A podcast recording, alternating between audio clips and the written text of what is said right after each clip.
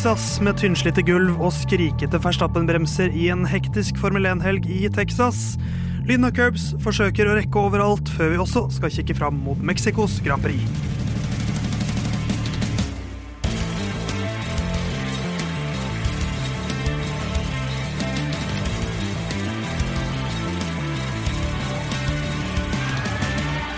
Vi nærmer oss eh, slutten av oktober, starten av november, der Jonas Alaska og Odd Nårstoga har en slags sangstafett, hvor én har en sang som heter Oktober, og én har en sang som heter November. Så snart er Jonas Alaska-måneden over, og så er det Odd Nårstoga-måneden som starter. Eh, Theis, bak spak og klaff, ingen Odd eller Jonas i studio, men Herman, du, er, du er glad i Jonas, men er du glad i Odd?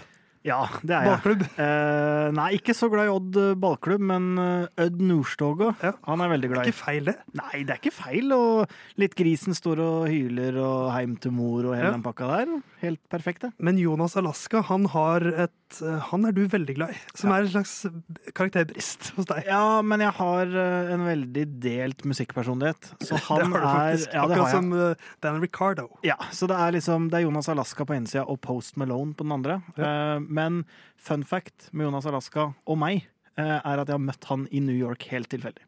Ikke sant? Og da sa du 'hei, Jonas'. Ja, og ba om en selfie. Good luck this weekend, Jonas. Nei, den, den henta jeg ikke fram. Og Der hører vi også Ole Røsvik som er tilbake. Eh, Litt Hei, som. Dan Ricardo er tilbake. Ja. Åssen går det med håndleddet ditt? Med håndleddet mitt går det ganske bra. Det har vært friskt hele veien, egentlig. Ja. Du har ikke røket på en Ricardo eller noe sånt? Nei. Eller en Lance Stroll? Krasjer veldig lite med eh, han-apparatet. Ja, men Har det skjedd før? Har du, har du krasja noe før? Jeg har krasja før, ja. Det er jo en uh, sykkelulykke òg, som du fikk kjørt Ja, da holdt jeg jo på å daue, så det Du trenger ikke å ta den. Det får bli en episode i Vegard Larsen-podkasten. Driv kraft. Vet ikke om det er Vegard Larsen som har den, men jeg føler han har det. Uh, Men Ole, du er her eh, fordi Jon er Jeg hevder jo at han er og spiller i en ny sesong av Det store symesterskapet. Men jeg tror han hevder noe annet selv, så vi skal høre fra Jon hvor han er i verden. Hvor er jeg? er som regel eh, den første lydklippet som eh, utegående reporter må eh, spille. Jeg er da fortsatt i, Tokyo, som jeg liker å kalle det, Jeg har vært på helgetur med orkesteret til Hamamatsu, Nagoya og Osaka. Kjørt på Shinkansen. Den går omtrent Formel 1-hastighet, eh, så det er jo spennende på sin måte.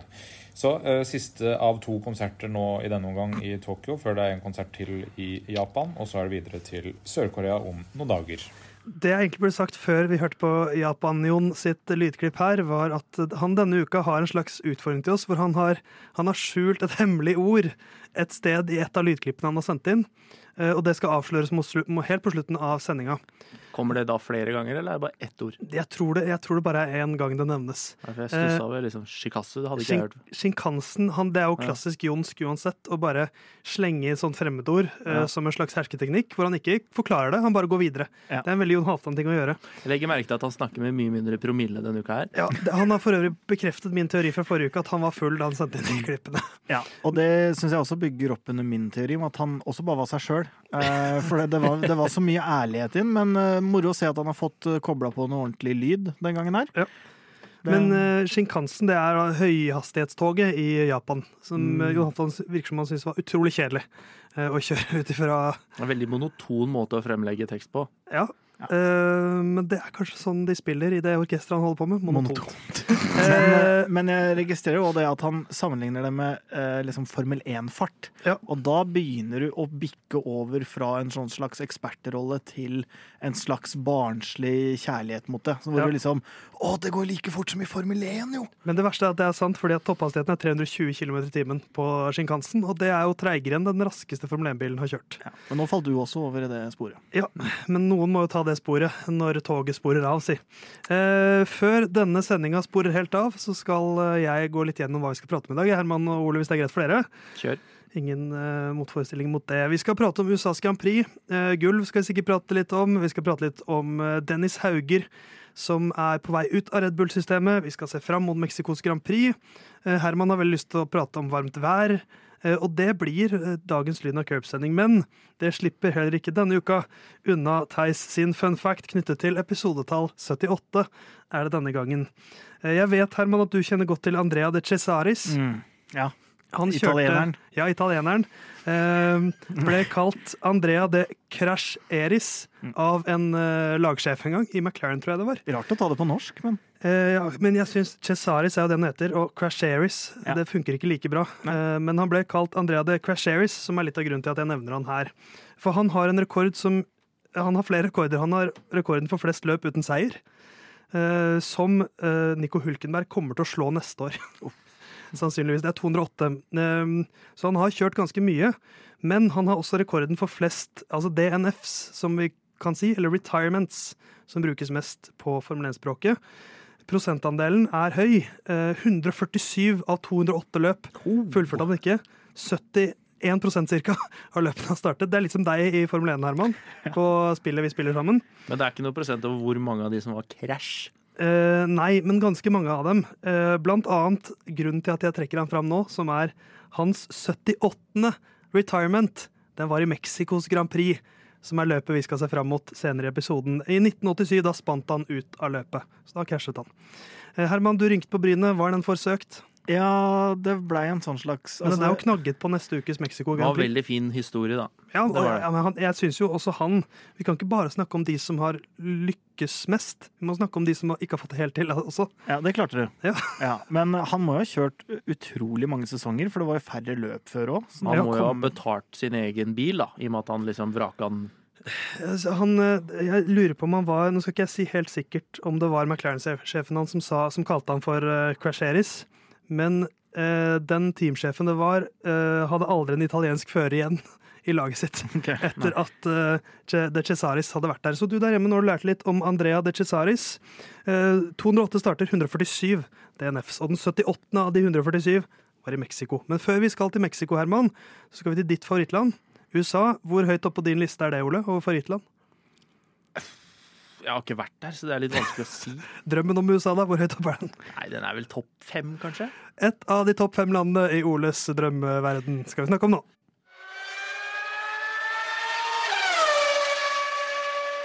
En ny sprinthelg er fullført. Et hektisk løp i eh, USA og en hektisk løpshelg. En treningsøkt, og så var rett inn i kvalik på fredagen. Der er Charles Clair raskest. Selvsagt er han det, foran Lando Norris, Louis Hamilton og Carlos Sainz. Det blir bare en sjetteplass på Max Verstappen. Videre til lørdagen så er det sprintdagen, som du kaller det, Herman. Eh, Max Verstappen er raskest da. Eh, foran Charles Clair, Hamilton og Norris. Foran Piastri, Sainz, Perez, Russell, Albon og Gasly. Eh, og så kommer sprintløpet. Det blir eh, skvisorama på startstrekket der. Men eh, så sa Max, som da vinner løpet selvsagt, foran Hamilton og Leclerc For Leclerc sin første sving blir litt compromised, fordi han blir pressa inn der. Og så kommer Hamilton seg forbi, og så holder de vel egentlig posisjonene litt derfra ut. Verstappen vinner foran Hamilton og Leclerc, så beklager han seg til Leclerc og sier han jeg ville gjort det samme. Så eh, jeg vet ikke om du har noen sterke meninger, Herman. Det, eller det vet jeg du har, men som du vil dele. Nei, altså det, Om den starten, da, vel ja, å merke. Ja, nei, der er det jo Jeg, jeg har ikke noen sterke meninger. Jeg syns jo den eh, Det å ta en sånn start sånn alltid er teit. Det er en teit ting med Formel 1, men det er Ja. sånn det er, og det er helt lovlig. Eh, og da må de for all del bare gjøre det, og alle gjør det. Det er ikke noen som er bedre Nei. eller verre enn andre, Jeg- men det er teit. Jeg, jeg er helt enig. Det er, kjempe, det er teit. Ja, men, jeg men syns ikke. Leclerc gjorde det samme på søndagen. I hvert fall ikke i like Nei. stor grad. Vi kan jo gå videre dit. Eh, I, I hovedløpet på søndagen så starter jo da Leclerc først, og det er ofte ensbetydende med at han da ikke vinner løpet. Starten hans er ikke knallgod, så Norris kommer seg forbi. eh, Og leder ganske lenge, men så er det, blir det et veldig strategisk løp etter hvert.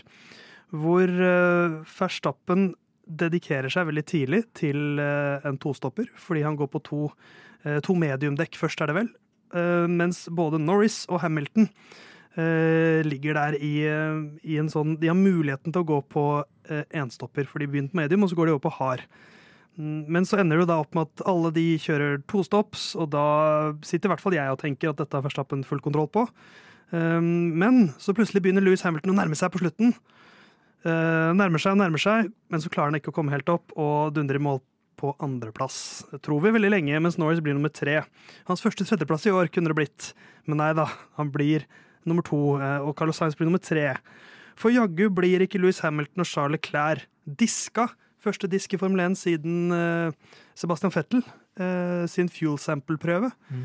Eh, og det er på grunn av eh, det som på litt sånn skittent engelsk heter skid block. Jeg synes det er et stygt eh, navn. Eh, vi kaller det planke på norsk. Men det var vel det Mercedes vi fikk innført i fjor, var det det? Den der eh, for å stoppe så mye sånn hopping. Ja, den, den, den, har, den har vært med en liten nising, stund. Men, men den er jo Det er en, en, rett og slett en planke som sitter under hver Formel 1-bil, som det er regler på at den skal ikke være slipt mer enn X. Mm. Uh, og jeg tror X er én millimeter, så det er ikke så mye å gå på. Um, og da blir det disk. Vi skal prate mer om det, men Jon har noen meninger om det. Så lite oppspill da, til diskusjon når det gjelder den her eh, situasjonen eh, med eh, Hamilton eh, og Leclerc. Eh, og siden eh, eksperten er på tur, så er det jo bra at Ole kan representere meg i diskusjonen her. Men burde det testes flere biler når man finner 50% av bilene som er testa at de ikke er innafor regelverket? Spørsmål. Eh, så vet jeg at det er noen formildende eller eh, hva skal vi si, eh, vanskeliggjørende omstendigheter, som at deler av bilene allerede kan være pakka ned osv. når feilen er funnet. Men eh, det er i hvert fall eh, et punkt som dere kan bruke til diskusjon. Og da er spørsmålet hvilket ord har han skjult her? Er det diskusjon? Er det eksperten? Er det Ole? Jeg, Jeg tror det er Ole. Jeg tror ikke det var skjult her. Men det han sier her, er jo det som jeg føler har vært litt av diskursen. Fordi at det var fire biler som ble undersøkt for det her. Hvorfor undersøker ikke alle, hvis, det er, hvis de kan bli diska hvis det er gærent? Det er jo spørsmålet her. For vanligvis så er det random hvem de undersøker. Og så har jeg hørt noen si at det er litt sånn de ser hvem de kanskje tror har ligget lavest den helgen. Så ser de på de bilene. Eh, Men de sjekker fire biler, eh, og så ryker da 10% av startfeltet ryker jo på eh, det her, Herman. Mm. Hva tenkte du da dette begynte å smelle? Nei, er, jeg syns alltid det er litt kjedelig, for det blir noe sånn utenomsportslig over det. Nå har de vært eh, på banen og kjempa med så like vilkår som mulig, og så blir det en eller annen teknikalitet som avgjør. Men det er jo på en måte en helt svart-hvitt-regel, eh, og det er eh, likt for alle, bortsett fra at kanskje ikke alle sjekkes, da, men alle som ville blitt tatt på det, ville på en måte blitt diska. Så det er jo greit nok akkurat sånn sett, men det er jo også litt rart at ikke f.eks. da eh, lagkameratene til de som blir eh, diska, sjekkes. Og det er jo også et spørsmål f.eks. hvordan var slitasjen på det her på sprintløpet på lørdag? Fordi det kan jo også være noe med hvor mye du pusher og hvor mye du kjører over curbs, hvor mange smeller den planka på en måte eh, får. da, Så kanskje Um, for eksempel man har feil løpsvinner uten at det er noen grunn til å akkurat anta det, da, men at man har feil podium også på, på lørdag. Um, så det blir jo noe vilkårlig i det, og det er jo veldig alvorlig når man begynner å diske folk. Da. Så det føles egentlig bare litt inkonsekvent for min del. Ja, for det er jo baner hvor de er ganske mye mer aggressive over curb. De er jo, I de S-svingene her så er det jo ganske aggressivt over curbs. Jeg vil jo tro at det sleit på gulvet like mye. Ja, og så er det jo det er en veldig bouncy bane pga. jordsmonnet der. Eh, Men faktisk, fordi det, det endrer seg så mye når det er varmt og kaldt vær. Det Som gjør, som gjør at det er umulig å legge flat, helt flat asfalt der, fordi at den endrer seg uansett. Selv om asfalten i år var helt ny, så ble, spratt det jo masse. Um, men det, jeg sitter også med et sånt inntrykk som, som deg, egentlig, Herman. at jeg sitter ikke med et inntrykk av at dette var liksom rettferdig. Selv om det, altså det er jo rettferdig, for det er svart-hvitt. Mm. Og det er jo en sånn, det er som at et lag i fotball starter med tolv mann. Da er det sånn, ja, det er svart-hvitt, det er ikke lov. Um, Det føles jo som det var som en sånn stikkontroll på flyplassen. liksom. Det er ti Ja. som slipper gjennom, og så Nei, du! Ja, ja men det, det, er, det er sånn jeg sitter og, og føler litt på at det er. Og så kan man si at jo, det er, det er som Jon sier, at det er jo 20 biler her. Det er en double header, de skal rett videre til Mexico. Det, det er jo faktisk sånn at nærmest det sekundet de slår av motoren, så begynner de å pakke sammen. Så, så jeg forstår at det kanskje ikke er så lett å si sånn «Eh, eh, Faktisk, vi trenger de plankene deres. Mm. Men ja, kan de ikke eh, bare levere de inn, da? jo, jeg sitter også og tenker at det, det kan det ta så jævla lang tid å måle om det har blitt skrapt av en millimeter eller ikke. Ja, Eller så kan de begynne med noen sånne fargekoder eller et eller annet under. da. Så hvis du har en svart planke, og så syns det en rosa farge under, OK, du har skrapa for mye. Men det er jo mest sannsynlig noe man må gjøre i forkant her. Altså hvis, det, hvis man ser at det her er noe som er en veldig eh, vital del, og som man mistenker at brytes ofte, at alle sine sånne type planker må sjekkes etter løp, da, sånn som eh, altså, altså at det ikke er en stikkprøve, på en måte. Eller at du f.eks. sjekker alle da med poeng, men igjen, da, hvis du f.eks. disker en tre-fire da, så er det det samme problemet. Så det, det er jo noe man må angripe i forkant, akkurat det at det, det er litt problematisk å omtrent kalle tilbake biler fra, fra flyet eh, når de er pakka sammen. Det skjønner jeg jo at ikke eh, er så lett, men man må jo se på hvordan det her skal være i det videre, da. Ja, for det er jo en ganske ny regel. Det kom jo, et, det kom jo midt i sesongen i fjor. eller noe. Når, du husker jo bildene av Hamilton som kom, gikk ut av bilen som en 80 år gammel gubbe, for han hadde så vondt i ryggen. Han liker ekstremsport, vet du. Herman? Ja, men det er jo også noe av greiene her er jo at det her er en regel, og det øh, spilte jeg opp i Curbs Messenger-chatten vår òg, at det her er jo på en måte en regel som er forholdsvis ny, og den er en øh, regel som endres ganske mye. Man må velge en ride height for hver helg, og liksom Det jeg syns blir litt øh, merkelig, er at hvis man ser poengmessig nå, og så er det veldig mange faktorer her, så det er ikke svart-hvitt, den sammenligninga her. Men hvis man ser poengmessig nå, så har jo rett og slett da eh, Ferrari og Mercedes blitt hardere straffa for en eh, liten teknikalitet på planka kontra altså direkte budsjettjuks fra året Vi før. skulle dit, ja. Ja, Nei, men det er sånn, og så Det skjønner er litt som 2012-sesongen, det der. For Jon, så har vi budsjett, budsjettjuks for deg. Ja, men det er greit nok. Men det er bare sånn, jeg, jeg skjønner ikke helt at man liksom kan si for eksempel den budsjettgreia, la den gå greit, men det sier man bare sånn eh, ja, men det her har ikke skjedd før. Hvis det skjer igjen, så vil det blitt mye strengere straffer. Her er det på en måte sånn ja, det har ikke skjedd før, men vi bare disker nå. Det er liksom ikke noe sånn ja, så Man vet ikke helt hva de kontrollerer, man skjønner kanskje ikke helt hvorfor det blir så alvorlig straff. Jeg, jeg stusser litt, men samtidig virker det jo greit nok òg, liksom. Men, men, men det er sånn, for den forrige disken, som var en fuel sample, den, den er liksom Det er det samme hver helg. Eh, så den føler jeg den Men, tar, ta, men vet vi at de tar prøver av alle der òg, på samme Ja, måte? Eller er det på samme alle, måte som nå? alle, må levere inn en prøve etter løpet. Ja, kan de ikke bare Så levere planka samtidig, da? Man skulle jo sagt at det, det burde vært mulig, men, eh, men Hvis de trenger flere folk til å sjekke det- så ansett flere. Ja, liksom. eller bare øk straffene litt, sånn som de har gjort nå. Så har jo Hamilton og co. sagt også at vi, vi vil vite hva de økte straffene går til. For nå Mm. har bøter blitt mye dyrere også. Eh, Men Julebord. Ja, det er jo garantert noe sånt. Men et annet aspekt her er jo at dette er en sprinthelg hvor de har én treningsøkt. eh, som gjør det enda vanskeligere å liksom stille inn bilen riktig. Men det Eh, skaper også mye kulere dynamikk i kvalik og sånn, syns jeg. At det er bare én trening. Ja, Som, for, som tilskuer syns jeg det er kjempegøy at de får minst mulig data. ja, men da kanskje vi får flere disk, og det vet jeg ikke om jeg vil ha. Nei, nei, det er en annen ting, men ja. liksom sånn rent før, eh, før dommerne ser på løpet i etterkant, så er det veldig gøy. Eh, Men så blir det, blir det to disk likevel, og da er det fortsatt Verstappen som vinner. Lennon Norris flyttes opp til andreplass, hans femte andreplass i år, som er eh, den med flest andreplasser i hele Formel 1-sesongen. Smakelig på den, Sergio Perez. Eh, Og så blir det nok en sånn anonym tredjeplass på Carlos Sainz. Eh, Som har blitt en slags spesialitet. Jeg lurer på den tredje gangen at han flyttes opp på tredjeplass, sånn i retrospekt, etter podiet. Ja, flink skolegutt, vet du. Ja. Um, men uh, skal vi prate litt om Verstappen? Jeg syns det gøyeste med denne helgen for Verstappens del var uh, at det aldri var lov å snakke til han. Han virka sånn veldig hangry. Ja, han bremsa hele tiden. For når GP, hans race engineer, prøvde å prate med han, så var det alltid 'ikke snakk til meg mens jeg bremser'. Ja. Det, er, eh, det der syns jeg var Verstappen litt sånn i gamle dager. Og eh, jeg, synes, jeg syns det er så teit. Bare, han har vunnet VM, han leder det løpet. Um, altså, man kan behandle andre med liksom, altså som folk uansett. Da, så skjønner jeg det at det, eh, det å ha liksom en, en kjip eh, opplevelse eller et eller annet gjør at man fyrer litt, men her virker det sånn det, fra den første sånn sinte meldingen til liksom den siste må det jo være i hvert fall en halvtime imellom, på en måte. Så er det jo adrenalin, og de sitter altså Jeg skjønner alle de formildende omstendighetene, men bare sånn Jeg syns det blir teit. Han er en, for meg en forvokst baby. Med bremser som de hadde bytta siden eh, dagen i forveien. eller noe sånt, Så han hadde jo faktisk bremseproblemer. Det virka jo som de bremsene funka rimelig greit, da. Det var ikke sånn at han stressa voldsomt foran der. Kanskje var det de bremseproblemene som gjorde at det ble jevnt til slutt. Eh, og da var det kanskje bra at Hamilton ikke klarte å ta den igjen, for da hadde det blitt veldig rart. Da hadde det blitt et ramaskrik om han ble fra diska fra første. Ramaskrik, som det heter, eller dramaskrik, som du sier, Herman. Eh, Vi skal videre og se litt kanskje på Mercedes, da.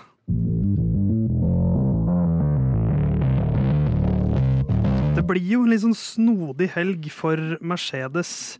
Um, George Russell blir nummer fem eh, i et løp der han egentlig ble da nummer syv, var det vel. Eh, og Hamilton er nummer to.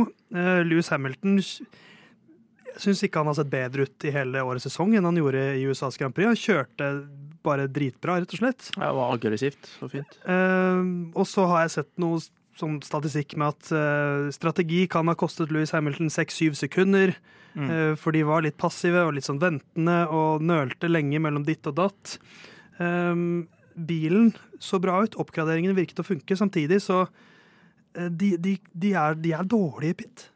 Ja, men det er jo en del ting som de skal ta med seg. her. Det ene er jo at eh, Hamilton sier at det er første gang han føler at oppgraderingen har vært et eh, framskritt. På to år. Ja, så det, det er ganske sprøtt. Og når det gjelder det strategigreiene, så sier jo Toto at han tror de er strategiske valg unna seieren her.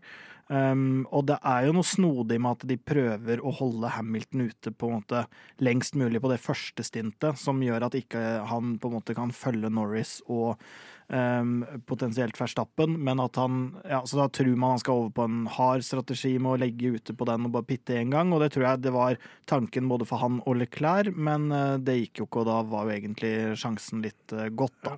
Så hvis Mercedes skulle hatt sjansen på den strategien de valgte, så var rett og slett løpet for kort, for han klarte jo å knipe en del innpå, men det er eh, Jeg føler at Mercedes er et lag som fortsatt tror at de har den beste bilen til enhver tid. Så de tror fortsatt de kan på en måte gå foran og styre med strategi, men akkurat nå må de nok følge, og så eh, satse på marginer eh, derfra. For jeg, nå føler jeg at uh, Mercedes kommer fra en æra hvor de som du sier, alltid var raskest, så de kunne bare vente. Uh, Som er litt fortsatt det jeg ofte føler de gjør i strategien. Mens Red Bull kommer fra en æra hvor de hadde en Verstappen som med riktig strategi kunne slå Hamilton. Så de kommer med en veldig sånn aggressivt mindset i sin strategiske tankegang. Fra den æraen hvor Mercedes var best, og den har de fortsatt. Mm. Uh, mens Mercedes bare Sånn som, sånn som Red Bull tar et veldig tydelig valg veldig tidlig. Det er jo det mest Ja, gjøre. men du jeg kan syns de alltid tar tydelige valg. Ja, de, ja, for de er Eh, aggressive, og de, de tar Ja. tydelige valg. Mens Mercedes de venter, for de er vant med at de har sånn margin med at de kan vente. Og så har de jo Hamilton som er en uh, dekkhvisker, da. Sånn at Ja. eh, de vet jo også Og sytepave. Ja, det er han, men det er jo da han, det er da han behandler dekka som best. Det er da han på, eh, det er da du hører at nå er han på. Når han behandler han der Bono dårlig, så behandler han dekka bra. Eh, Det virker til å være en standard, men altså, det er jo noe å lene seg på, og det å liksom bare la han ligge ute og jobbe litt og, og prøve å ta vare på dekk. Men sånn som nå, så var det jo helt åpenbart feil.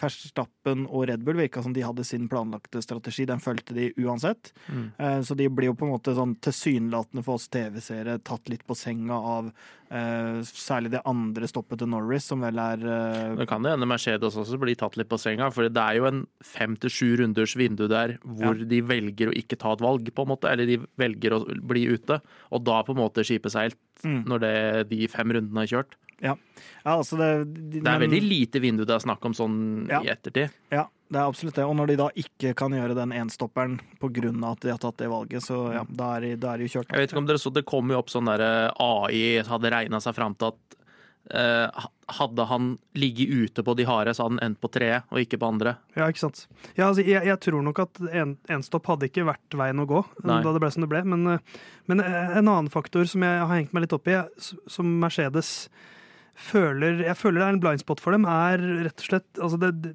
det, tekniske i pitstoppet. Jeg, jeg fant en statistikk her med alle pitstopp fra årets sesong. eh, med da pitstopp på mindre enn 2,5 sekund. Eh, Red Bull har tatt, hatt totalt 69, det er jo flott i seg selv, pitstopp i årets sesong. Eh, hvorav eh, hva blir det? 30 av dem har vært under 2,5 sekund. Så, så 43,5 eh, Ferrari 40% cirka. McLaren 35 Av 59 pitstop i år så har Mercedes ett stopp under 2,5 sekunder. Ja. ja, det er Og det, og det føler jeg også kommer fra en æra hvor de har hatt masse å gå på. For de har, de har alltid vært sånn Vi er ikke så fokusert på at det skal gå raskt, det skal være trygt. Ja. Men, Men gjennom disse da, de 60 der, eh, pitstoppene hvis, du- hvis du mister et halvsekund da hver gang, så er det 30 sekunder totalt. Og det er løpseiere. De har den derre slow is steady, steady is Ja. fast i latin på garasjeveggen der inne. Ja, Men, det er jo parodisk at de, at de Ja. ikke klarer å få til det som Altså, det der handler jo kun om trening. Ja, Det ser jo ikke bra ut, det er jeg enig i, men samtidig så Sånn som det er den sesongen eh, nå, da, og heller ikke i eh, USA, så er det ikke der de har tapt løp, på en måte. Nei, nei, så det er jo litt men, eh, prioritering, men samtidig så er det sånn Ja, de jeg ville se for meg, da, uten å ha vært på innsida av et Formel 1-team, at det er en ting man kan trene på uavhengig av på en måte, annen utvikling. Det burde i hvert fall være mulig å komme under 3,5 sekund, eller under 3 sekunder. Ja, altså, som sagt, Red Bull 43% under 2,5 sekunder. De er jo knallgode på det. Ja. Uh, og se, se for dere et, et litt annerledes USA Grand Prix, da, hvor Hamilton tar inn på enda litt mer de siste rundene, og så er han halvannen sekund bak til slutt. Hvis han taper, det kan han tape på, på de to pitstoppene han inne Ja, han kan faktisk tape. Jo da, det men- kan være løpseier. Men over en sesong, hvis du alltid er ett sekund treigere i pit, så vil det liksom Du vil måtte bruke dekk for å komme forbi en ekstra bil hver gang du Ja, er inne og pitter. Så, så det er sånne småting som jeg gjør at de, de, de tenker fortsatt at de er toppen av kransekaka, og så er det ikke det lenger. De må liksom begynne å tyne marginene litt, føler jeg. Neste år, Neste år. da er de der. Da blir det catering. får de to pitstop under 2,5 sekund, Ja. og da, da, da går det. Uh, vi må se litt eh, bak de beste òg, da. Uh, og skal vi, skal vi begynne med uh, Logan Sergeant, hjemmebane. Mm. Uh, flyttes opp på tiendeplass med to disk Ja. og tar sitt første Formel 1-poeng.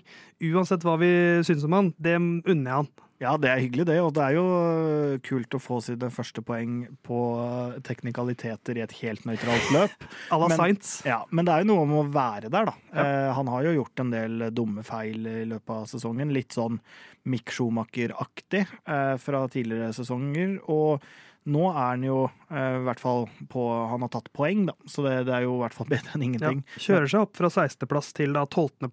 12.-plass over mål, er, er sekundene bak Albon eh, i mål. Mm. Så han, hans han beste følger løp til denne døra. sesongen her, faktisk. Så, så det syns jeg han skal ha. Eh, Han ville vel kanskje revansjere seg litt etter at han måtte bryte med svimmelhet forrige løp. Ja, det tror jeg var viktig for han. Eh, en annen som har slitt siste tiden, er jo Lance Stroll. Starter fra pit lane. Eh, men Det var kjører seg opp. fire biler som satt fra pit lane. Det var begge hasene og eh, begge Aston Martin-bilene. Ja. Ikke fornøyd Stor med helg for Herman, med andre ord. ja. ja, men nå er jeg Alfa Tauri-fan, må du huske. Ja, ikke sant. Eh, Sunoda bra der da på åttendeplass, som det ble. Og raskeste runde, faktisk, på Yuki Sunoda. Men den, jeg unna Stroll, Stroll den, ja. Han slo Alonso den helgen her. Eh, Alonso fullførte jo ikke, da, men det, det er ikke så viktig. Nei, ja, vi har sagt det hele tida, han er bedre enn Alonso. Han har bedre grunntalent enn eh, Fernando Alonso, og endelig får vi se det, da. Så det er moro. Det er moro. Eh, jeg tror vi skal prate litt om tippinga. jeg. Gruer meg litt, men ja, du, du skal få høre hvorfor nå.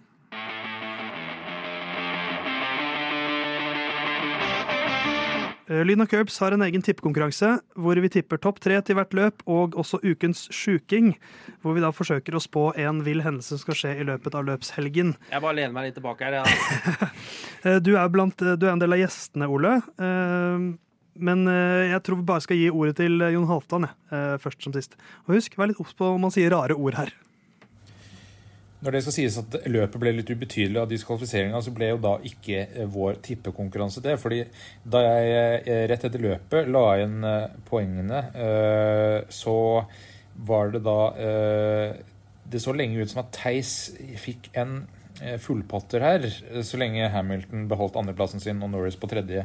Men så var jeg inne og sjekka litt nyheter og så at oi, oi, oi, her er det jo noen som er diskvalifisert. Så for meg eh, så var ikke det her løpet så halvgærent likevel.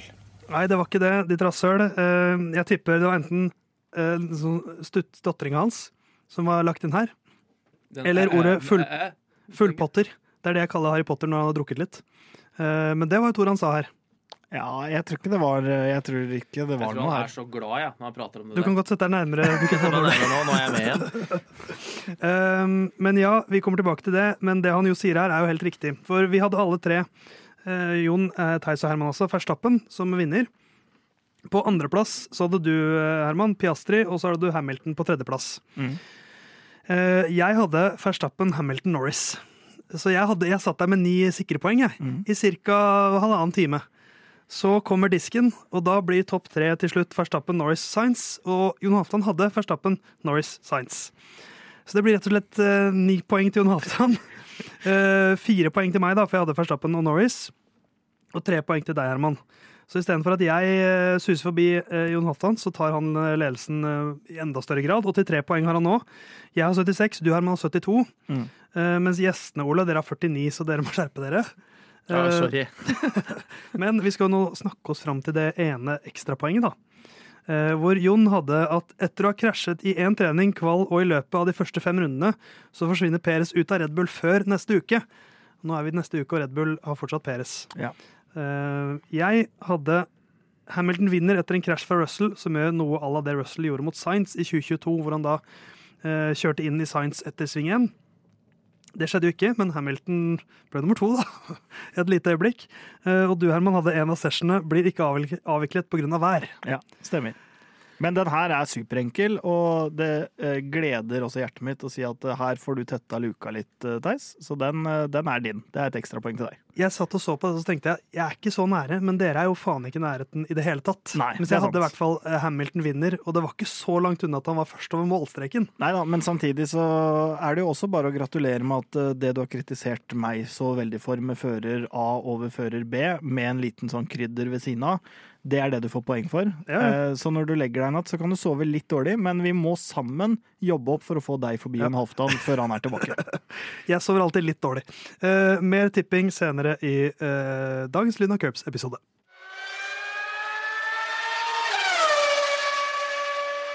Dennis Hauger og Formel 2 har vi ikke pratet om på en stund, fordi det, de har bare én runde igjen, og den er i Abu Dhabi, som er sesongavslutninga. Men det blir også da det siste løpet som Dennis Hauger kjører som Red Bull junior. For etter 2023 så er, blir det ikke noen ny Red Bull-kontrakt, med det første i hvert fall, på Dennis Hauger. Ehm, hva var det første du tenkte, Herman, da du hørte den nyheten? Det er jo trist, da. Det er litt trist. Og så tenkte jeg at eh, det heller kanskje ikke er noe sjokk. Altså, De er nådeløse. Det har vært eh, snakk om at de skulle kutte litt i det juniorprogrammet uansett. De har Perez og Ricardo inne, som på en måte ikke gir noe mening med, med det å dyrke opp juniorer sånn. Så det, de har vel Og det har jo også vært litt snakk om kanskje Alfa Tauri skal avvikles på et eller annet tidspunkt.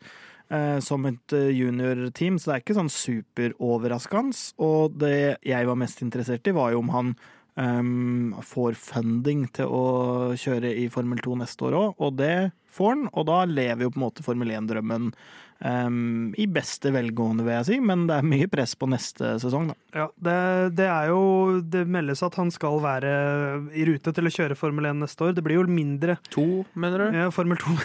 bra, bra du følger med.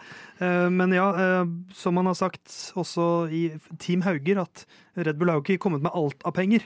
Så litt eh, finansiering hadde de jo allerede, og så skal, skal de prøve å nå de 20 millionene som det koster. Men eh, Men han hadde jo i hvert fall en kølapp da når han eh, var i Red Bull. Det har han jo ikke nå. det har han ikke nå. Men, men først må man liksom sikre det, det setet neste år. Men, men 20 millioner eh, år etter år, når der- alderen hans stiger og stiger eh, det, det er litt Han kan gjerne fortsette i Formel 2 og bli en eh, motorsportkjører på kjempehøyt nivå. Kanskje Le Mans kan bli et sted for han, eller at eh, Formel E kan bli et, en plass etter hvert.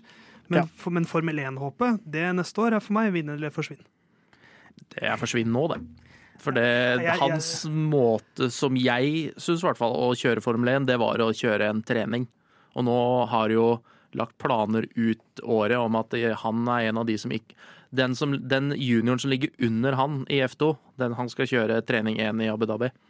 Ja, det, det, det ser jo ikke helt bra ut, men, men, men altså, når jeg sier vinn eller forsvinn, så er det vinn. Altså vinn Formel 2 neste år, eller så blir det ikke Formel 1 noen gang. Ja. Nei, det er sant. Ja, det er i hvert fall den logiske varianten. Eh, samtidig så er det jo potensielt noen eh, omveier og alt sånt der som, som kan ende i Formel 1. Men, eh, men det er helt klart best å vinne og være overbevisende og være god i kvalik, eh, race pace, ikke, altså kjøre modent, håndtere alle mulige um, ting som kastes mot eh, Dennis neste år. Um, det er det klart beste. Og så eh, ble det påpekt i Viaplay-sendinga òg at han er vel Før den krasjen i Baku hvor han vel kjører bak sikkerhetsbil og kjører rett i veggen Hvis han hadde holdt den posisjonen, så tror jeg han hadde leda Formel 2. eh, Mesterskapet, og derfra så gikk jo på en måte alt eh, nedenom og hjem. Så det, er, det kan jo hende han har et potensial der. Og nå, istedenfor at han på en måte skal kunne velge mellom fire seter, så har han jo 16 seter han på en måte konkurrerer om. Det er veldig om. da. veldig positiv vinkling å se det Ja, Ja, Det er herlig å høre fra deg, Herman. Eh, Han er jo norsk, folkens! Han er norsk, og han, blir, eh, han, er, 20, han ble 20 i år. Eh, Det, han, er ikke, han er ikke for gammel. Altså, Nykter Friis var tålmodig og fikk sjansen. Det gikk jo ikke helt hans vei. og så har jo Roy Nissany som snart fyller 30 i F2. Ja, ja. Han har kjørt noen sesonger der, han òg. Men jeg tror nok at altså Dennis, jeg tror ikke at Statens pensjonsfond utland skal inn med penger her og sikre han en eh, plass i Formel 1 en gang. Nei. At oljefondet liksom skal backe et Formel 1-lag. Han, han får ikke plass på den måten. Han må gjøre det via talent. Ja, det er helt klart. Og så er det jo eh, på en måte sånn at hvis han gjør det uans nesten uansett hva han gjør nå, så kan han ende opp med å kjøre noe langdistanse-racing, det er DTM, alle de tinga vi bare hører de name-droppe. Audi Cup og litt sånn. Ja, og IndyCar. og Altså, så han, kan jo bli en, eh, han kan jo bli en ekstremt suksessfull uh, fører som ikke kjører i Formel 1. Så det, han, han går jo gode tider i møte uansett, men det hadde vært morsomt om vi fikk han til, til Formel 1. Også, The pinnacle of motorsport. og så skal vi heller aldri glemme at Og jeg husker aldri navnet, men visstnok den beste føreren av alle. Han kjører en sånn der øh, australsk racing-serie. Ja, men Det er han som Atle nevner hele tida. Ja. Men han er, han, er for, han er for høy til Ja. å kjøre Formel 1.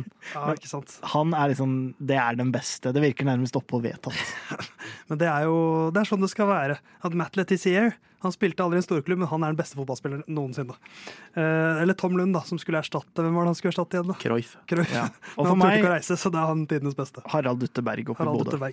Vi kan nevne et annet norsk talent, er Stenshorn. Eh, Han har kjørt eh, eh, en mindre formelserie, hvor han har blitt nummer to i år. Eh, Vært beste rookie i 13 av 20 løp. I årets sesong blitt nummer to. Kjørt også Formel 3-testing eh, for high-tech. Ikke sikra noe plass i Formel 3 neste år, men, men eh, det, er ikke, det er ikke sånn at vi bare har Dennis Hauger, nemlig. Ja, det kan hende Dennis Hauger er vår uh, Mats, Mats Møller Dæhlie. Og så kommer Ja. Ødegaard og Haaland etterpå. Mye bedre sammenligning. For det, jeg vet ikke om, det var litt hype rundt Dæhlie når han blomstra, Jeg, og så kom de to store etterpå. Og det er vondt for meg, for jeg eh, har jo gått på skole med Mads Møller Dæhlie. Eh, Han hospiterte opp på mitt lag da jeg spilte i Lyn. Eh, Da han, før alle på laget hadde vært i puberteten, han hadde ikke vært det. Eh, Men han var faen så god likevel. Men eh, karrieren hans mye bedre enn det noen av oss har fått til, si. Ja, han er bedre enn meg. Men ikke der, mann. Nei, skal Nei, se han har ikke spilt i der langgangen ennå, han har ikke det. Men vi satser på at vi ser Dennis i eh, Formel 2 neste år, og det jeg jo liker, er at da får vi han ut av den teite Red Bull-liveryen. Enig. Jeg liker ikke at alle Red Bull-juniorene har Red Bull-livery, uansett hvilket lag de kjører for. Hadde du fått ha 20 mill. i året, så hadde du vel kjørt med den liveryen du òg? jo, jo ja, selvsagt, men, men jeg syns det er teit. Ja. Så da, liker jeg, da håper jeg han blir i, i um, Ja, MP. Daruvala kjører jo rundt med den oransje. MP-en i år. Så jeg håper vi ser han i en oransje MP neste år, og at han vinner alle løpene. Så lykke til, Dennis. Det er ikke over før det er over.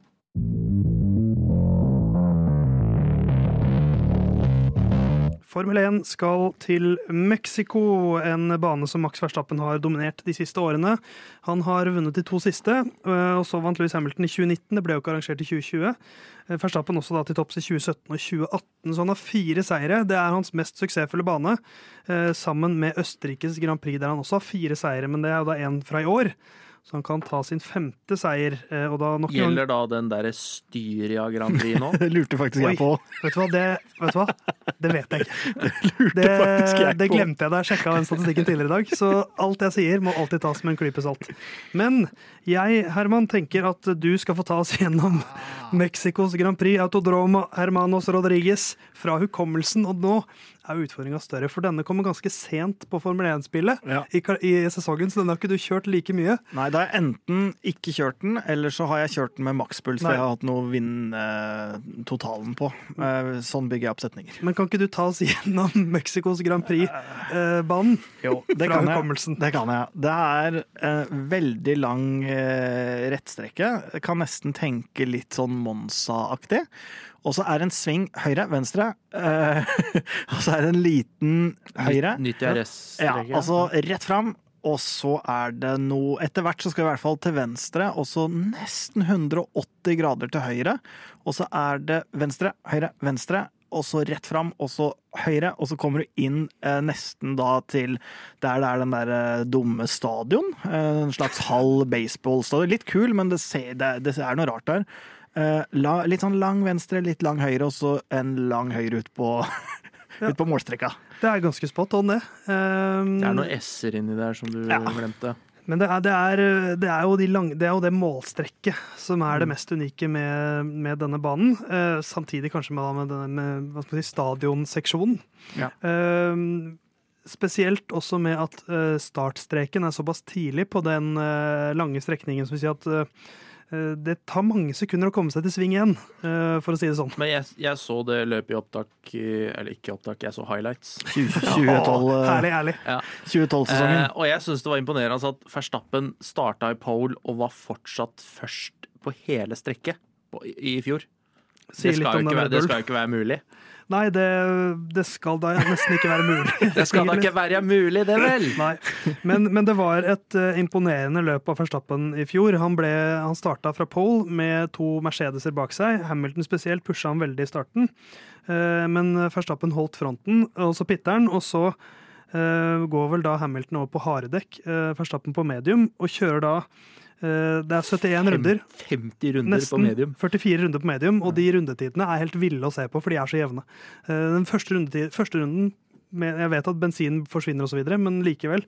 Det å ikke gjøre en eneste feil, eh, det var Max Verstappen nesten på sitt Du vet, beste. når, du, når du kjører online på spillet, så kan du trykke, kan du trykke på pause, så kjører computeren for Ja. deg rundt og rundt. Jeg pleier å gjøre det. Eh, Men eh, Max Verstappen stiller jo her som megafavoritt. Og så er spørsmålet eh, For det er tid for en ny Sergio Perez-diskusjon nå. For den disken til Louis Hamilton gjør at Perez flyttes opp på fjerdeplass eh, i løpet. Flere poeng. Eh, Nå har han 240. Hamilton har 201, 39 poeng. Det vil si at Hamilton må ta ca. 10 poeng per løp som er igjen nå, eh, og ut eh, sesongen. Eller per løpshelg, da. Det er jo i hvert fall er det to sprintløp igjen. Eh, er Peres trygg nå? Nei, nei, nei. nei. Han, han er ikke trygg nå. Men han Eh, kommer til å ta den andreplassen. Ja, men det er ikke det. Det, er, det her er et klassisk uh, tilfelle av do or die. Uh, og da er det uh, for å prøve å, å utfordre den som må do or die, til å se om den faktisk eh, klarer det. Og per nå så er det jo ikke noe Peres har gjort som tilsier at han klarer det. Altså, han, han er jo fortsatt jækla langt bak Max, og det er på en måte sikkert akseptabelt for Red Bull at han ikke um, slår maks. Det er vel sikkert nesten helt ypperlig, men han kan ikke være bak så mange andre biler. Så jeg tror ikke på noen helst måte at han er trygg. Uh, og jeg tror ikke det handler egentlig om han kommer over eller under Hamilton. En, den eneste sånn rene logikken i det må i så fall være at det er en klausul i kontrakten som gjør at det er lettere å bryte den. Men hvis ikke så er det bare et pressmiddel. Hva, hva tenker du om den situasjonen rundt uh, Perez nå? For nå, nå skal det klaffe veldig for Hamilton, og det skal gå veldig på skeise for Perez for at de 39 poengene skal forsvinne. Eh, Nei, Som nøytral så er det bare gøy med mye blest og mange førerbytter, spør meg. ja, du- syns du- jeg synes det er kjedelig at uh, Max er alltid makra opp mot en som han er så mye bedre enn. For det er jo ikke de andre førerne. Ja, men tror du, Bortsett fra Alonso, selvfølgelig. tror du det blir ja, det kan du si. Tror du det blir noe annerledes med, med Ricardo, da, hvis vi skal tro at kanskje han egentlig er favoritt nå? til Nei, å ha det blir ikke annerledes, men jeg har, jeg har lyst til å tro at det blir annerledes. Ja. Ja, jeg også har lyst til å tro det. Og jeg har lyst til å i hvert fall ha en ny fører der som er sånn ja, ja, men la han få litt tid, da. Han kan trenge en 10-12 løp, og så er han der, liksom. At, eh, da er hvert fall det, sesongen. Er nesten den sesongen gått, ikke sant? Også, Etter sommerferien, da kommer, da kommer Ricardo. ja, du det må blir der kunne neste år. peke på en 10-12 løp hvor eh, Max skal finne en intern utfordrer, og så er det da de neste 10-12 løpa hvor du skal se på en ekstern utfordrer. Nå kommer Mercedes og McLaren, nå har de tatt steg. Det blir tralten fram til 2026, eh, Mm. og derfor trenger vi en ny mann i det setet. Eh, hvis vi skal tro at eh, Perez kanskje henger med der oppe også Mercedes så veldig raske ut eh, i USA. De kom med en stor oppgraderingspakke dit. Og Eh, nå kommer den tynne lufta. og nå kommer tynne lufta eh, i Mexico. De har 22 poeng å gå på mot Ferrari. Ferrari som da faktisk nærmet seg litt, i og med at uh, Sainz slo Russell. Um, det var jo det som ble avgjørende der, og, Ferrari gjorde det bra i sprintløp også. Så nå er de bare 22 poeng bak, mens McLaren er jo 102 poeng bak eh, Mercedes, og da fortsatt 80 poeng bak eh, Ferrari. Så den Ferrari-drømmen eh, McLaren håpet på, på å ta dem igjen, den kan vi kanskje begrave nå, men uh, Da må det deles ut noen bonuspoeng Ja. i så fall. men Mercedes, Ferrari, McLaren, da? Uh, får Aston Martin ha gitt opp, eller? Det er tynt. De har uh, Snodig utvikling. De, er, de er helt borte nå. Ja, det er, de er jo rett og slett ikke en faktor lenger engang. Altså, jeg skjønner ikke ja, de, de må jo ha utvikla noe feil. Det kan jo ikke bare være at eh, ikke de har liksom klart å At de bare følge. bruker penger på neste års bil, liksom. Ja, eller at de Jeg syns det virker som de må ha tatt noen steg i feil retning. Og jeg vet jo at alle andre på en måte beveger seg framover, men det virker jo helt corny at For det, eh, bilene kan ikke utvikle bilene seg så mye at hvis Aston Martin hadde brukt den bilen de brukte i Bahrain, så hadde de fortsatt vært like langt bak nå. Det tror jeg. Det, De, de, det- det skjer ganske store forskjeller. Det er jo utviklinger hele tiden her som Ja, så er det jo For den bilen, den var bra i forhold til Den var resten. bra. Men det er jo sånn som eh, Alfa Romeo var jo litt det samme historien i, i fjor, da, bare på litt, sånn, litt lenger ned på tabellen. Men de var Ja. fortsatt sånn Begynte kjempebra, og så på slutten av sesongen så var de helt irrelevante. ja, Men altså- er det fordi de driver og bygger Det er så mye som skjer rundt Aston Martin, at det brukes mye ressurser på å oppgradere sjølve systemet rundt, at bilen er litt sidsatt? Jeg tror, bare, ja, jeg tror nok det kanskje kan være et, et del av det her. Og så er jo greiene som det spekuleres i at reglementet med den her planka som skulle være stivere, og hvordan du da kan uh, sette opp bilen, har gått veldig negativt ut over Aston Martin. Så mest sannsynlig, uh, hvis det stemmer i hvert fall, så har de jo egentlig hatt litt kunstig høye resultater en stund, da. Eh, og at det kanskje ikke Kanskje man håpa at Red Bull skulle straffes mest fordi de var så overlegne på den regelendringa, men at det egentlig var da Aston Martin som, eh, som fikk den største smellen på det, da. Men uh, Lawrence Troll og co. kommer neste år, gjør det ikke det? Ja, hvis ikke han skal selge seg ut, da. Jeg har begynt å tro at han skal selge seg ut, ja, og derfor så daler resultatene. Han har mista blikket på noe annet nå. Land skal begynne å spille tennis, mens vi skal tippe.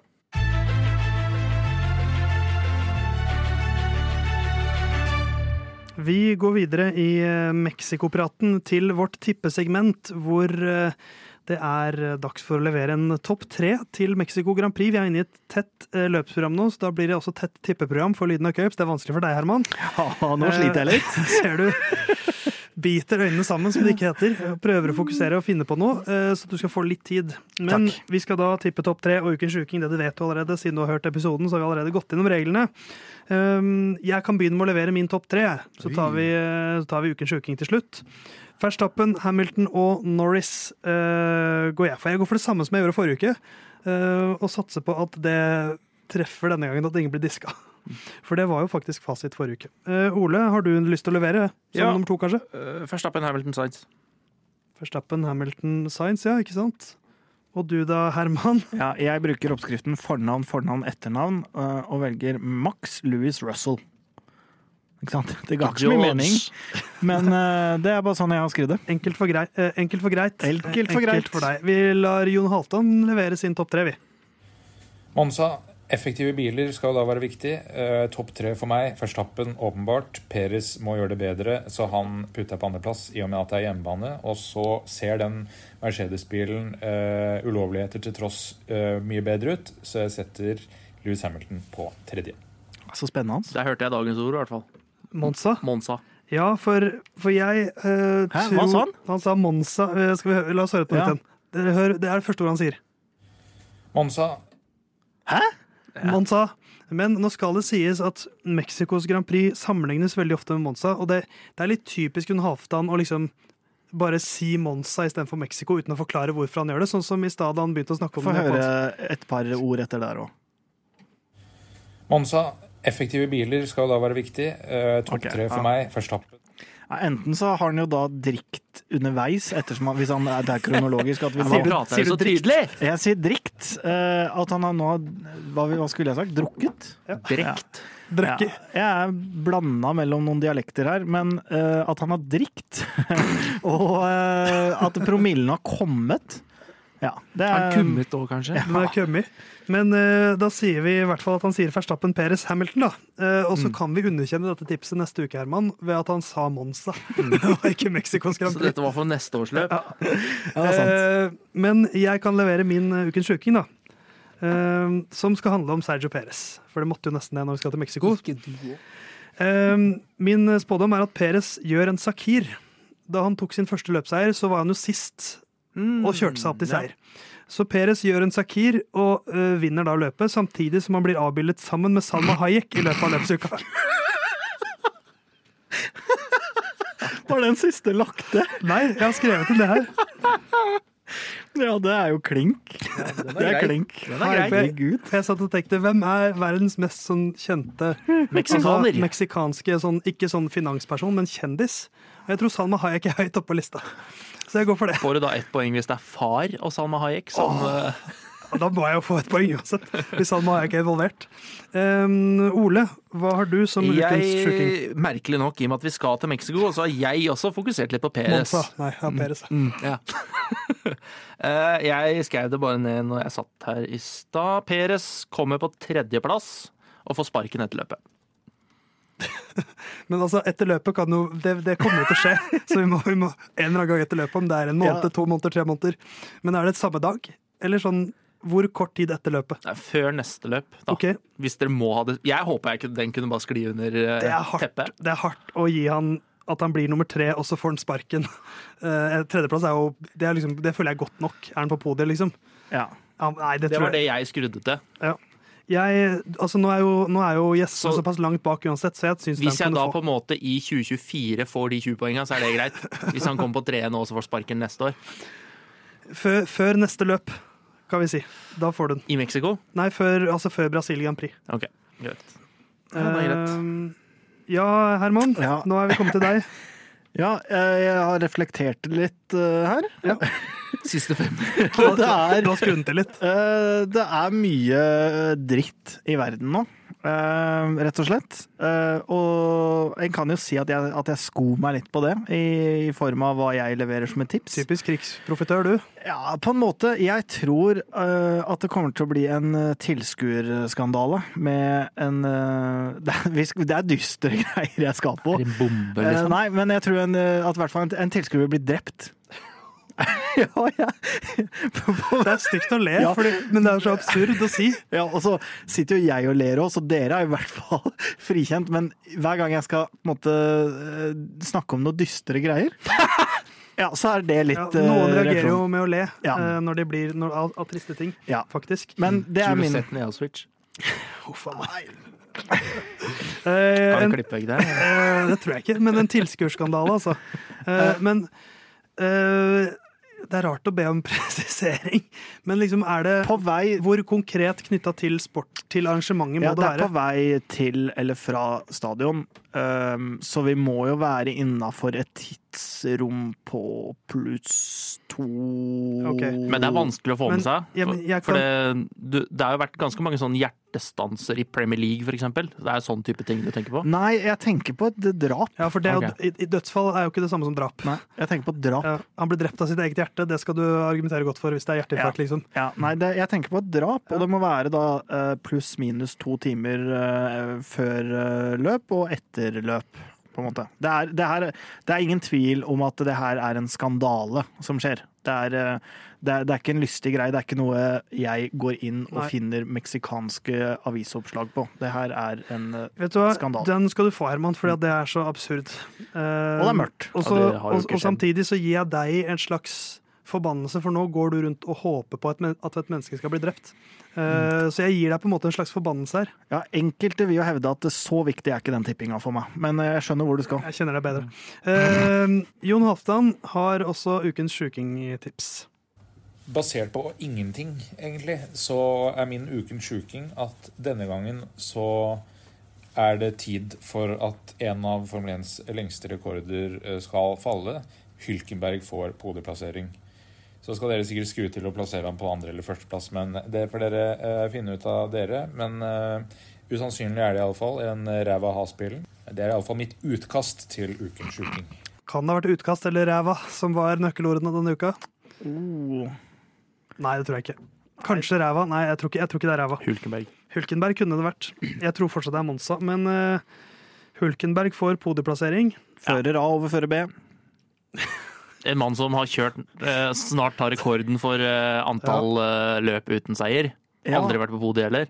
Ja, men det er allikevel Jeg, jeg har bare Jeg har eh, så mange Ja, Men Herman, se hva som skjer isteden. Da blir det at du dreper folk.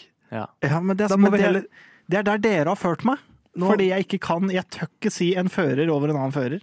Og ikke en fører over 19 andre. Og da må du ty til drap. Ja, det er der jeg, jeg, det er der jeg Kunne inn. ikke gått for at det skjer en fødsel på tribunen, liksom.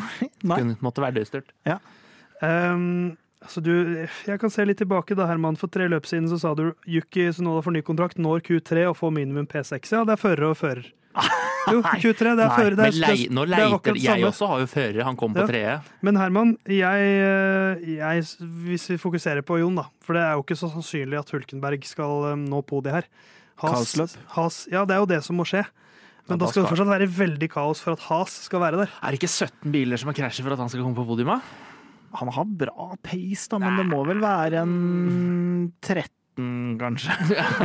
13, kanskje, da, Ja, hadde, si han hadde sagt at 13 biler eh, krasjer ut eller fullfører Ja, ikke. Den er klink. Ja, den er klink. Og det er det som må skje for at han skal komme på podiet. Jeg synes det er Det er i for hvert fall det er for- ti som må bryte. Jeg, jeg har lyst til å si som Jon Holtan sagt, det hadde vært gøy hvis én gikk inn. Men hva, hvis vi sier at eh, hvis vi Jeg syns, jeg syns den Jeg skal i hvert være det hadde vært veldig gøy for Hulkenberg om den gikk inn. Ja, det er jeg enig i, men jeg syns den skal være at Hulkenberg må vinne, jeg. Han er på tur. Han, le, han le, vet du Vi hva? har en Vet du hva? presedens. Han er på tur, han er borte, og etter det drittet han ga mot meg den helgen her, Ja. hvor jeg hadde alt riktig, og så kommer den gulvskaden og redder ræva hans, Ja. Så blir det Hulkenberg må vinne. Nei, det er ingenting jeg skulle ha sagt, til Jon. Jeg bare beklager det. Og han leder, han leder òg, så alt som har spilt mot meg, er nå imot Jon. Og det må straffes. Ja. Eh, da tar jeg kjapt og oppsummerer. Alle tror at Verstappen vinner.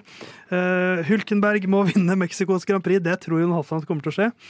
Eh, en tilskuerskandale der en tilskuer blir drept tilknyttet løpet. Eh, Peres kom på tredjeplass og får sparken før neste løp. Det var Ole sin. Eh, mens min var da at Peres gjør en Sakir, vinner samtidig som han blir avbildet med, Sam med Salma Hayek i løpet av løpsuka. Det vil si at han Ja. Ja. La oss bare ta det en gang til. For en Sakir er at han kommer sist, og så fullfører først. Eh, han skal være sist på et punkt i løpet, Ja. eh, og så vinner han. Og det er ikke å starte. Og det er ikke Det er ikke, han starter ikke sist. Det er ikke en Sakir. mm, nei, det er det ikke. Men det får vi ta til neste uke, Ja. i så fall. Det får vi ta til neste uke eh, i så fall. Kjør, kjør jingle. Kjør jingle!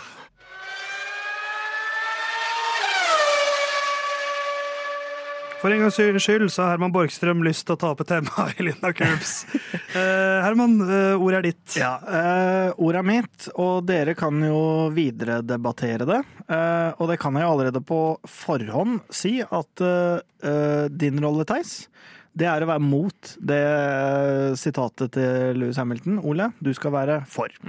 Fordi det Hamilton har sagt, er at eh, når det kommer til den varmen som var i Qatar, så syns han det er helt greit. Og han sier jo sjøl òg at han uh, raca jo ikke, men Eh, For han krasja jo tidlig, men han har kjørt løp som var varmere enn det, og alt det her, og han føler at det er en ekstremsport, så det skal være eh, sånn som det her. Eh, Og at det er enkelte løp da, som er sånn som det, og som han sier, eh, du har ikke et maraton hvor folk eh, sier at eh, de syns det skulle vært eh, kortere. Det er altså med andre ord, det han sier er at det er en del av sporten, og at det på en måte skal være greit. Han sier de får veldig høy, eh, veldig godt betalt for å drive med den ekstremsporten, og man skal ikke gjøre noen endringer. Du må bare trene hardere, og det er sånn det har vært for meg. Før han avslutter med at eh, back in the Senna days, you go over the curb, it's grass, and you pay the penalty.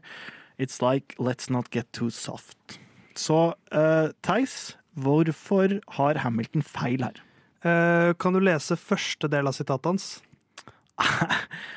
Nei, det er tynt, men ja, obviously, obviously I didn't do the race. Og der slutter jeg å høre etter. Neida. Det er litt satt på, på, på tuppen, som du pleier å si. Men altså, Hamilton er jo litt den gamle skolen. Han har holdt på med dette lenge. Han har, Hvor mange tusen fallskjermhopp er det han har i, i sitt liv? Han er jo en ganske ekstrem fyr. Um, og så er det jo veldig digg at han krasjer med vilje, så han slipper å kaste opp hjelmen sin. Uh, for han røyker ut av det løpet med en gang. Det var bare én som kasta opp, da. Av 19. Ja, det er ganske høy prosentandel. Det klasserommet går ikke jeg inn i, for å si det sånn. Men som debattstyrer, uh, så det er Twitter-trolling. det du Ja, holder på ok, okay, nå. Mer seriøst nå. Ja. For det, det poenget med å liksom sammenligne det med andre ekstreme idretter hvor kroppen push, pushes til eh, kroppens ytterpunkter, sånn som maraton, som Hamilton gjør her, det mener jeg ikke er Det er ikke der skoen trykker. I maraton besvimer du, så detter du i bakken. Du blir ikke til et missil av karbon og metall i 200 km i timen som kan skade andre. eh, eh, ikke bare deg selv, på en måte. Um, det er jo det som er litt av grunnen til at jeg føler at vi må ikke nå et punkt hvor førere kan besvime. Um, og, så, tror jeg kanskje at denne Qatar Grand Prix var en liten Det ble Mye av grunnen her til at det ble som det ble, er vel at vi er i en æra av Formel 1 hvor eh, førerne kjører aldri maks lenger. Fordi det er, vi er inne i en sånn dekk eh, Altså dekkene har så mye å si at alle kjører på liksom 90 80-90 hele tiden, mens her var det jo 100 hele tiden. Som jeg også tror at altså- gjør at flere kanskje eh, tappes litt for energi, energi mye raskere, fordi at her var det 100% hele veien. Dette hadde ikke vært en debatt om Pirelli gjorde jobben sin. Nei, Men eh, hvorfor, eh, hvorfor har Hamilton riktig her, Ole? Jeg vil ikke at det skal være en sånn der eh, sport med innekatter som kjører uh, greiene her. At det bare skal strykes medhårs, liksom. Hver gang det kommer. Det er, jo, det er jo allerede sånn nå. Hvis det kommer for mye regn, så blir det ikke løp. Og så nå skal temperaturen begynne å spille inn òg. Men, men hva, hvor var, hvor Da må vi var, slutte å kjøre i Midtøsten, da. hvor var meningen om at uh, det skal være ekstremt da det var porpoising? Da? Det var mange, da Hamilton var den som sleit nesten mest med det. Ja, men Da kunne jo de andre bare sagt ja, du er for gammel, du må komme deg ut, fordi at uh, du må takle det her, det er ekstremsport. Jeg, jeg vet at dette er waterbatism som jeg misliker, men, men jeg syns det blir litt for sånn eh, Jeg har ikke lyst til å se Men det gikk jo utover hvordan Det gikk jo utover løpet hele tida. Her var det jo snakk om utmattelse. Ja, men det går også ut men, Det, var jo, det der var jo mer snakk om å bli rista i stykker. Men- og satt jo en sånn ja. malingsspannblander. men, men her er det varme det er snakk om, da, og varme i seg selv kan du liksom ikke trene deg ut av. Altså, varme altså, Kan bare pushe mindre. Ja, men det er jo sånn som Ocon sa, da, jeg vil heller dø enn å, bli, enn å bryte et løp. Og det, jeg mener at da her, her kan ikke førerne få bestemme, fordi at de kjører til de dør. Og det er, og det er ikke det jeg har lyst til å se. ikke. Jo, de gjør det. Eh, Sergeant eh, ga opp, han. Han kjørte ikke til han stupte. Ja, men ser vi han i Formel 1 noen år? Nei, det sier jeg ikke. Men, men jeg, det, det er ikke sånn at førerne skal få bestemme. Det er egentlig det jeg lander på. ja, men Hvorfor for skal, jeg- ikke de jeg som lyst- utøver, ikke hvorfor skal ikke de som utøver sporten få bestemme? Fordi den sporten er ikke for dem, den er for oss. Og det er all sport. Men da er eh, Og jeg har ikke lyst til å se uh, noe så farlig. Men sånn som når man vet hvor uh, sikre de bilene har blitt altså det er, Nå er det litt sofaekspert-spørsmål til dere begge, men når man vet hvor sikre bilene har blitt, eh, sånn som den syke krasjen til uh, Grosjean Gikk jo bra. Eh, Det er klart det kan være litt flaks. Den eh, hvor, eh, hvor godeste Juganyo ender på hodet inn i grusfella, inn i veggen. Det går bra. Det er jo veldig sjeldent på en måte at det skjer noe i Formel 1 som er livstruende fare er det ikke også med å skape en viss interesse for sporten at man er litt på kanten av setet, og at det er litt farlig? Men de setter også standarden for alle klassene under. Hvis gutta på toppen kjører til de besvimer, så kjører også tolvåringer som kjører gokart til de besvimer. Og der har du ikke de samme sikkerhetsreglementene som du har i Formel 1. Og det er jo der dødsfallene kommer nå. Ja, men det er jo mest på grunn av at eh, designet, eller sikkerhetsdesignet er sånn at de tåler én impact, og alle dødsfall har jo vært når du blir treffet gang nummer to. Ja, og, og derfor eh, bør ikke førere besvime i bilen, for da får vi masse krasj. Jeg som debattleder debattleder for nå må du runde her så langt. jeg må gi stafettpinnen videre, og jeg begynte da, og det er uprofesjonelt av meg, å småle, for jeg tenkte på at jeg kjenner en fyr som har spydd i en gokart. Nei, ikke i en gokart. Nei, men nesten, da. Jeg, jeg kom meg opp på toalettet der før jeg, før jeg begynte å spy.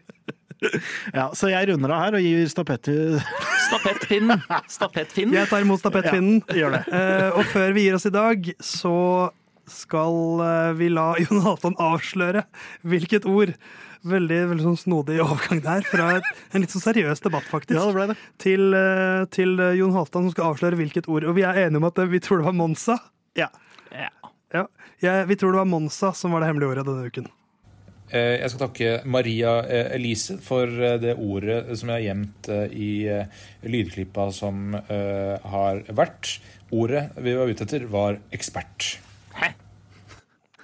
Ah, ja, ikke Men sant? jeg, jeg, jeg, jeg hadde skrevet opp på lista, Ja, for han, for han, eh, det titulerer seg sjøl som det. Ja, Så den var Hadde jeg ikke tatt Var? da takk for meg. Hadde jeg ikke tatt Monza, så tror jeg ekspert hadde vært høyt oppe. Han i hvert fall prata riktig hele tida, så det har vært enklere å skjønne hva som var satt i nå. Ja, Men takk sant. til eh, Maria Elise. Eh, Send inn eh, ord til Jon Halvorsen på Instagram, så kanskje du får ditt ord lest opp av eksperten neste uke. Eh, Du er tilbake om en uke, Herman. Kanskje. Eh, Jeg er tilbake om en uke, men jeg tror ikke om to. Men det har jeg ikke sagt til deg før, da. Nei, vi får se hvordan det blir. Eh, Ole, takk for følget. Det Takk for at vi kom med. Vi høres eh, om en uke. Da skal vi prate om uh, Brasils Grand Prix, er det da. Kos dere i Mexico. Hils Salma Hayek, eh, Sergio.